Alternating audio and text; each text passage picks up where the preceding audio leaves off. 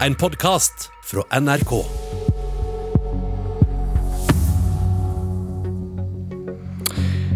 Hvis ikke Kjell Ingolf Ropstad er trollet, vikingen eller en av de andre figurene i Maskorama, er det kanskje politikken som må redde Kristelig Folkeparti. I går kom forslag til nytt partiprogram.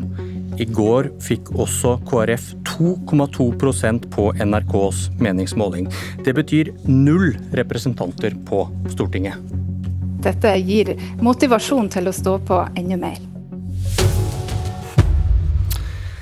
Er det det man kaller et typisk politikersvar, Ingelin Noresjø? Ja, vi har lagt fram et eh, politisk program i går som jeg er veldig stolt av.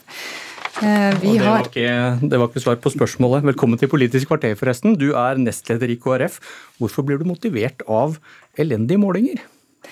Det er jo sånn at et politisk parti ønsker alltid å snakke om politikken sin. Og det som vi har gjort nå, det er å legge fram et eh, politisk program som virkelig viser at KrF er et eh, relevant parti. Vi har løsninger for dagens samfunn. Og vi legger fram et eh, partiprogram som er gjenkjennbar KrF-politikk. Med mer og bedre, en bedre verden ønsker vi, med internasjonal solidaritet. Vi ønsker å styrke familiene, men òg en ny politikk for en tydelig grønn omstilling. Ok, um Hvorfor sliter KrF med å få velgere? KrF er et parti som eh, mange har en mening om. Og vi er et parti som eh, kan skape en del eh, debatt. Vi er et sentrumsparti, men vi er også et kristendemokratisk parti.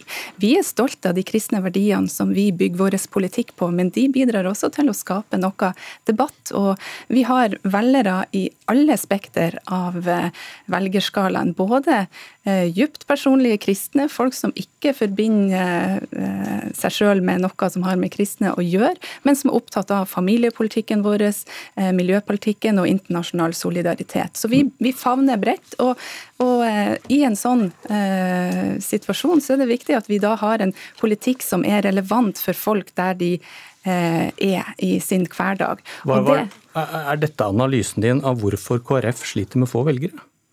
Vi er et parti som eh, ønsker å fokusere på politikken vår. Og hvis vi ikke har nådd fram ordentlig med den, så må jo vi bli tydeligere på hva vi står for. Vi bygger vår politikk på kristne grunnverdier, det kristne menneskesynet, nestekjærligheten og forvalteransvaret. Det ligger til bunn. Men okay, så men hva... utspiller det seg i en politikk for familiene, for ei grønn omstilling og for å bygge samfunnet nedenfra. Da svarer du uh, at dere ikke har fått formidlet politikken deres, som er standardsfære fra de fleste partier som sliter. Så, men OK, da. hvordan kommunisere bedre da? Hva har dere gjort feil? Dere har ligget under sperregrensa på snittet på målingene i snart et år. Tror nok at det å sette regjering som et eh, lite parti er, viser seg jo i alle typer regjeringer er ganske krevende. Eh, vi kan gå tilbake til Bondevik både én og to, vi kan gå tilbake til de rød-grønne. Og de, de, minste partiene har hatt en tendens til å, å eh, ja, dale på meningsmålingen imellom periodene. Men vi sitter jo på bakgrunn av det valget som skjedde i 2017. Vi går til valg igjen i 2021. Og det er valgresultat som teller, og ikke meningsmålinger. Men vi ser jo at at vi har ei utfordring, og vi mener at det er politikken som skal styre, ikke analyser om samarbeid eller høyre eller venstre eller i det hele tatt. Eh, vi skal, vi skal gå til valg på den politikken som vi ønsker å gjennomføre for Norge. Men spørsmålet var, du svarte at vi har ikke formidlet politikken vår godt nok, og da var spørsmålet ja, hva skal dere gjøre annerledes? Vi må kanskje bli eh, tydeligere på det verdigrunnlaget som vi står på, som jeg nettopp har nevnt. Vi må også bli tydeligere på at vi har en relevant politikk for eh, dagens familier. Eh, vi tilpasse oss, også den realiteten at vi har, trenger grønn omstilling av økonomien vår. Eh, vi er nødt til å ha en forsvarlig økonomisk politikk, og vi er nødt til å være tydelige på at eh, vi kan eh, ikke ha et forbruk som vi har i dag, som ikke er bærekraftig. Og dette ligger til grunn i en kristendemokratisk tankegang som jeg er veldig stolt av, og som vi må eh, få et budskap som, som eh, der, det, der, vi er tydelige på at vi har løsninger for eh, folk der de bor, og for deres familier. Ok, Den nye politikken den, den skal vinne velgere. Dere, dere, vil slutte som du var inne på her, dere vil slutte å åpne nye områder for olje- og gassleting. Dere skriver at oljealderen går inn i en sluttfase. og Olje og gass er viktig for mange på Sør- og Vestlandet, der KrF også står sterkt. Og sentrale KrF-ere i Rogaland advarer nå om at dere kan miste velgere hvis dette blir deres politikk. Hvorfor tror du de sier det?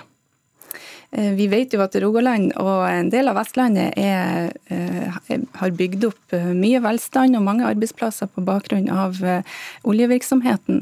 Men det er også en erkjennelse av at oljevirksomheten nå må se en solnedgangsperiode. Og vi skal gi forutsigbarhet i dette. Det er det næringa etterspør, og det er det arbeidsplassene trenger. Man trenger forutsigbarhet. Selv om det koster velgere på Sør- og Vestlandet som disse advarer mot? Det kommer til å koste eh, økonomien vår og samfunnet vårt og klimaet vårt hvis ikke vi har en plan for nedskalering av oljeaktiviteten. Og det er politikk.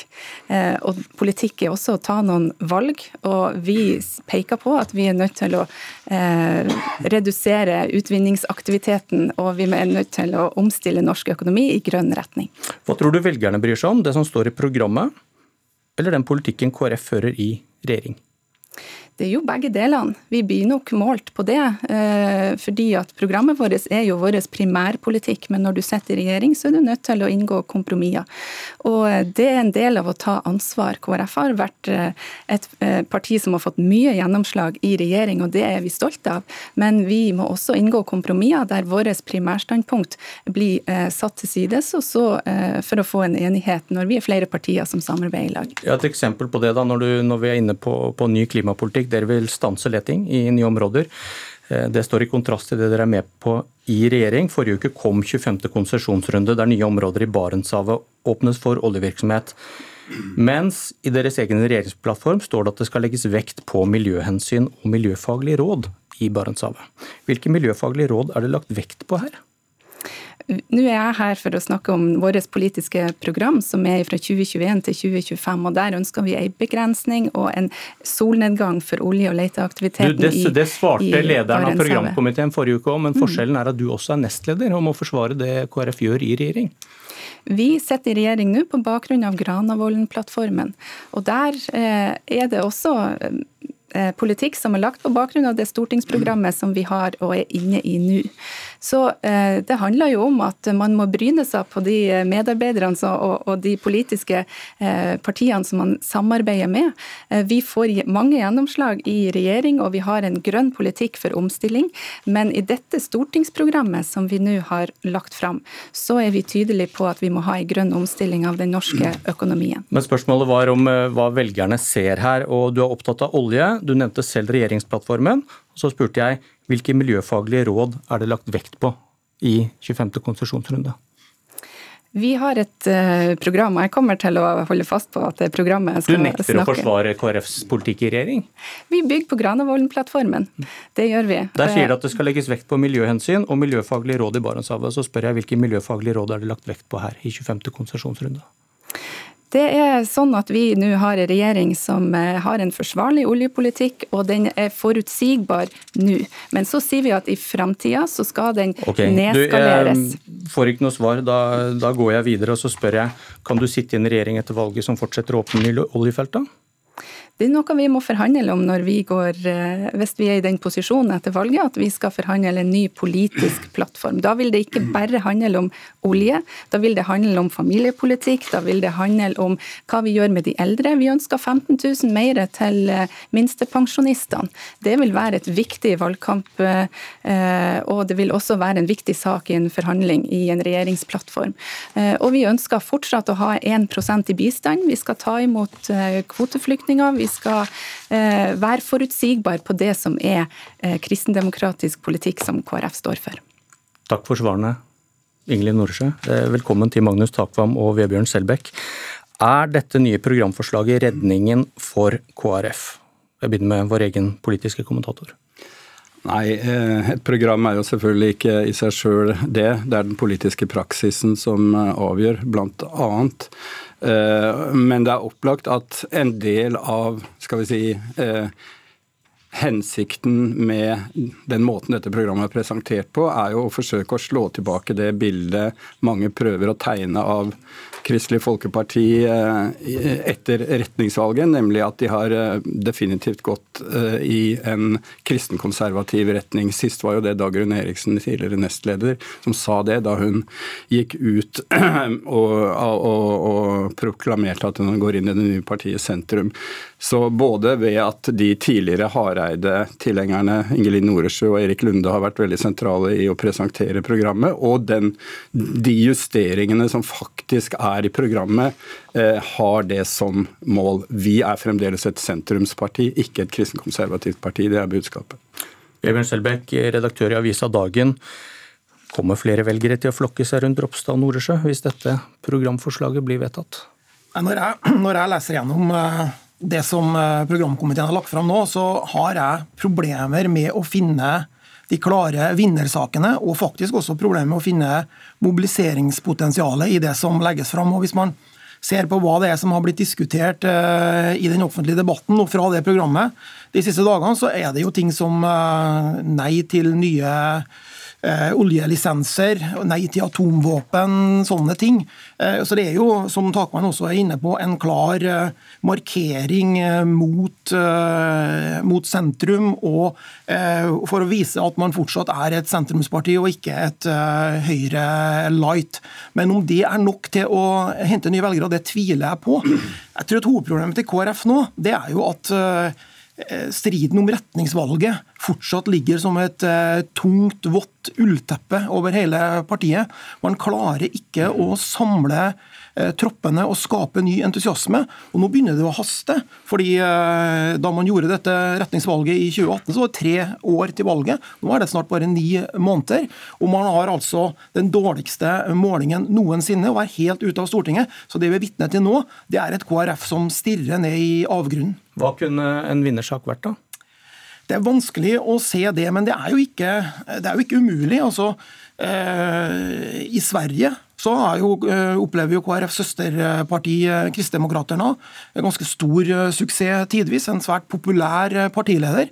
Der har jo, der har jo KD, da, som heter Sverige, gjort noen ting som, som KrF ikke vil gjøre, nemlig gjort seg relevant også i det man kan kalle kanskje kulturkampen. Snakker om integrering, snakker om islam, sånne ting. Ting som KrF her i Norge ikke vil ta i med ildtang. Så det er jo i hvert fall, i hvert fall en suksessoppskrift i Sverige. Og så har jo KrF en slags sånn nødløsning også, da. Eh, når det nærmer seg valg. Som Venstre har jo tidligere fått en del sympatistemmer fra, fra Høyre-folk. Nettopp fordi at eh, en fortsatt Erna Solberg-regjering er helt avhengig av at både KrF og Venstre kommer over sperregrensa. Kanskje kan vi se noe sånt, men det er jo en nødløsning, en sånn slags siste sjanse. Takvam, eh, hva har KrFs oppslutning å si for budsjettforhandlingene med Fremskrittspartiet som pågår nå? Nei, klart, Både FrPs eh, mm, kritiske situasjon på meningsmålingene og ikke minst KrFs eh, krise gjør jo at jeg har veldig vanskelig for å se for meg at KrF vil kunne gi mye på, og kanskje ikke noe i det hele tatt, på disse mest betente områdene i forhandlingene om bistand og kvoteflyktninger. Og skape et inntrykk av at man legger seg flat for Frp i den situasjonen man er nå, vil jo nettopp kunne bekrefte det bildet vi var inne på at de er opptatt av å bekjempe, nemlig at de, de er godt til høyre og er et kristenkonservativt, høyreorientert eh, parti. Så det tror jeg gjør det veldig vanskelig å, å, å skal vi si, se for seg at KrF har mye uh, å gi. Så uh, men, men, men dette er jo deres drømmeregjering. De har fått det som de vil. Ja, eh, men eh, drømmeregjering eh, må også ha flertall. Og det som er krisen for KrF, er jo både den interne krisen som vi snakker om, men også at de er på en måte blitt noe hjemløse i det politiske landskapet. I gamle dager så å si, så var det, var det nettopp den typen sentrum-høyre-regjering som samlet flest i, i KrF. Men siden Frp er at de er avhengig av Frp. Så ser vi når Frp nå har gått ut av regjering, at det ikke var en så veldig behagelig drømmeregjering allikevel. Kanskje tvert imot, at må, nei, Frp må stå enda mer på å presse KrF. Så de, de eh, har problemer også i, i eh, landskapet med å finne alliansepartnere. Vil du ha ti sekunder til slutt, Selbekk. Er du enig i analysen? Jeg er enig, og så har jo KrF en spesiell utfordring med at de nå har fått på en måte to utbryterpartier på hver sin side. Partiet Sentrum og partiet De kristne. De kommer aldri til å oppnå noen stortingsrepresentasjon, men de kan stjele viktige promiller som KrF hadde trengt i kampen mot sperregrensen. Takk Selbekk, takk Takvam. Dette var Politisk kvarter. Jeg heter Bjørn Myklebust. Du har hørt en podkast fra NRK. Hør flere podkaster og din favorittkanal i appen NRK Radio.